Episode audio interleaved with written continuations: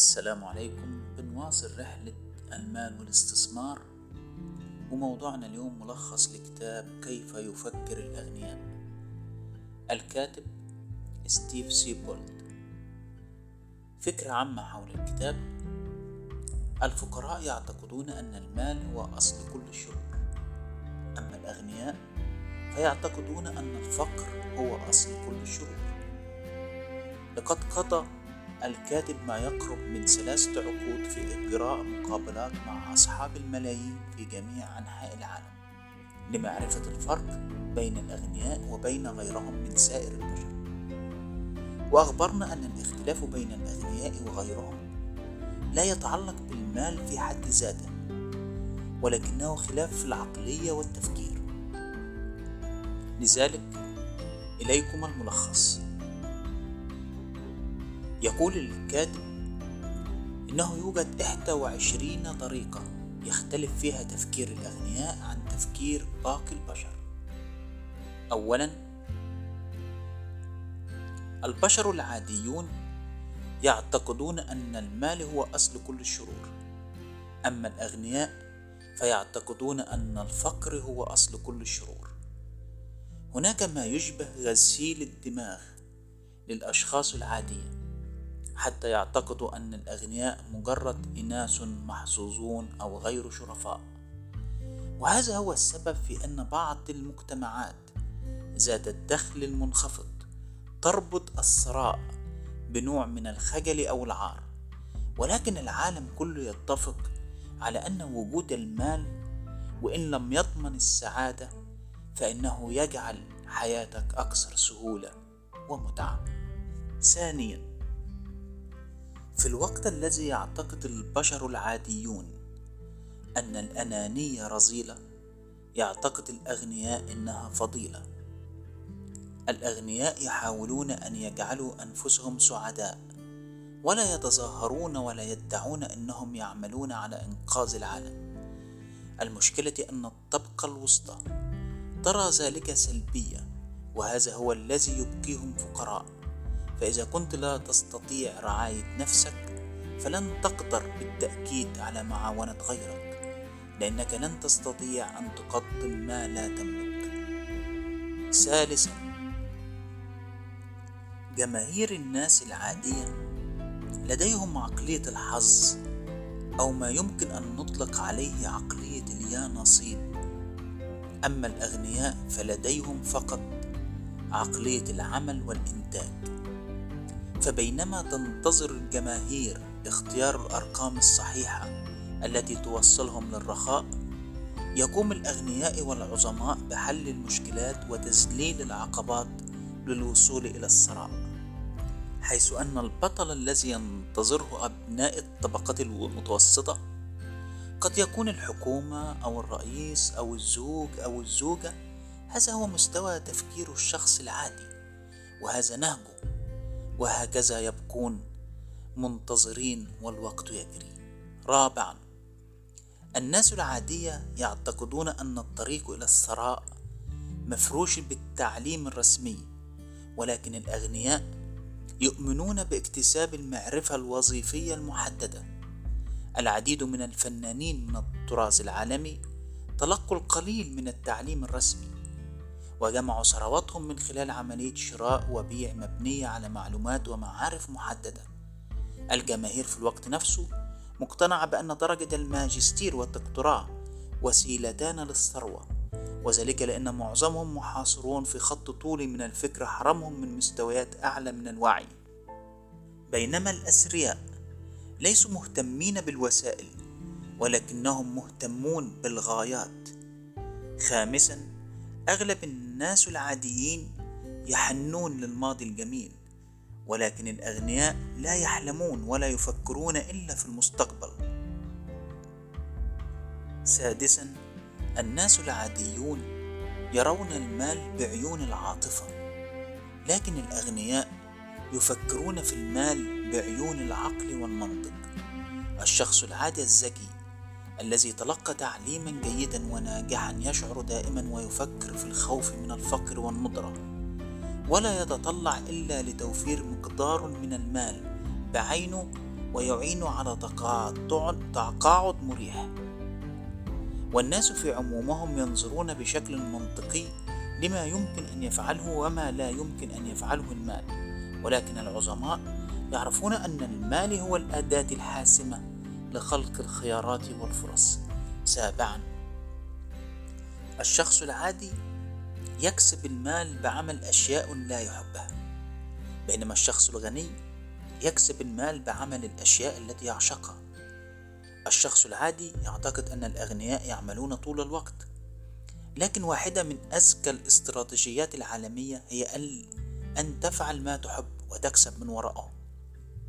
من ناحية أخرى تأخذ الطبقة الوسطى الوظائف التي لا تمتع لأنهم في حاجة إلى المال. ولقد تم تدريبهم في المدرسة والمجتمع للعيش في عالم التفكير الأحادي الذي يساوي كسب المال بالجهد البدني أو العقلي. ثامنا الشخص العادي توقعاته منخفضة حتى لا يصاب بخيبة أمل. أما الأغنياء فدائما على مستوى التحدي.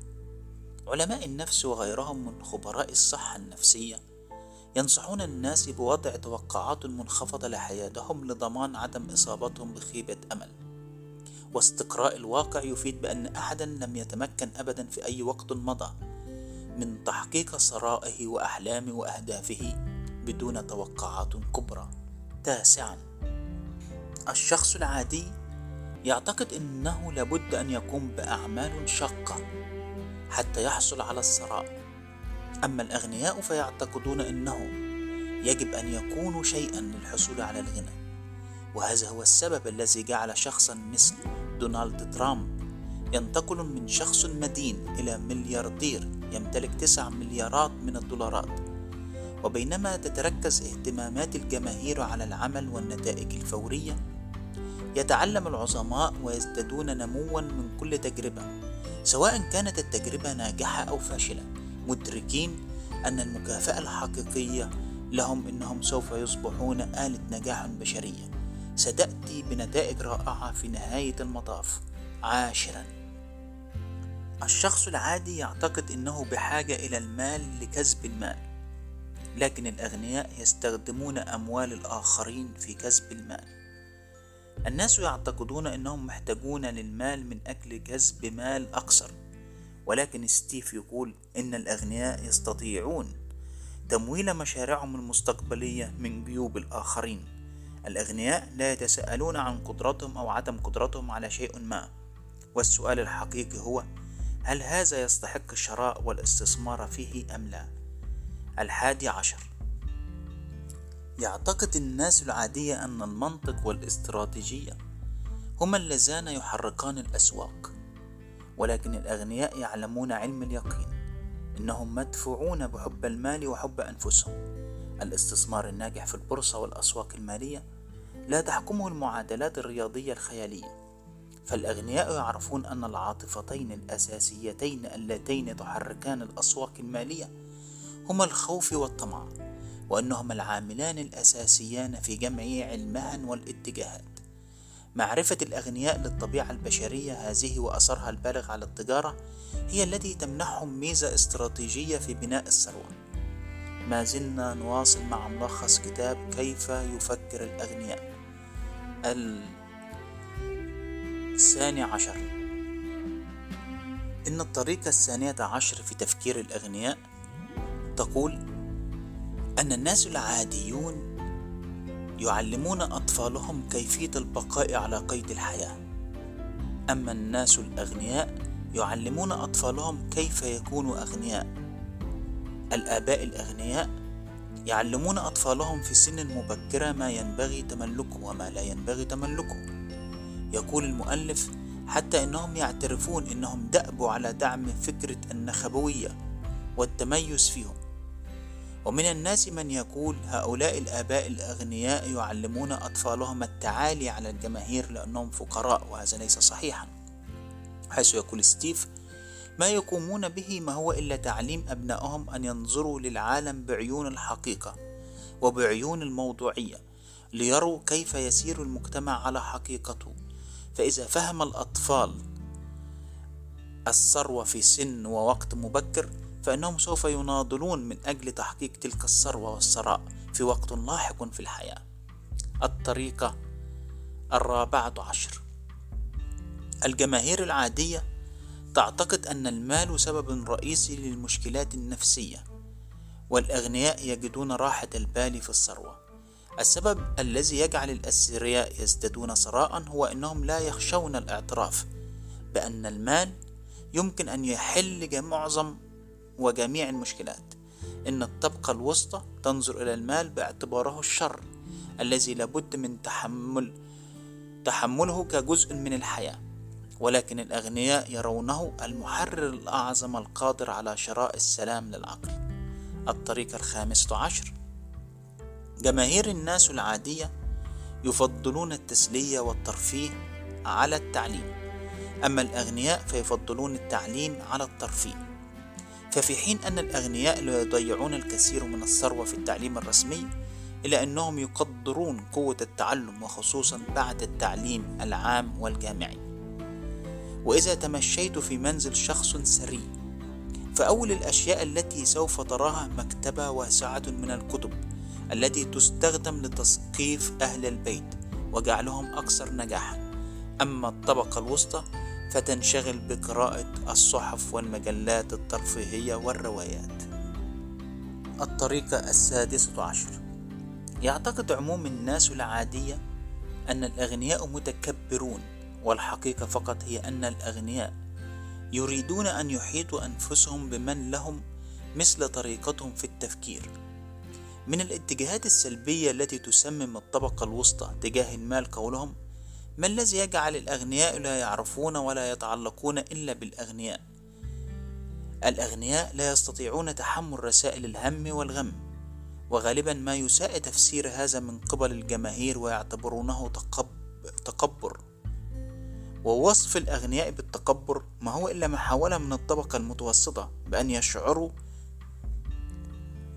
ويرضوا أنفسهم إنهم هم الأفضل لتبرير مسار الرضاءة. الذي اختاروه لأنفسهم. الطريقة السابعة عشر.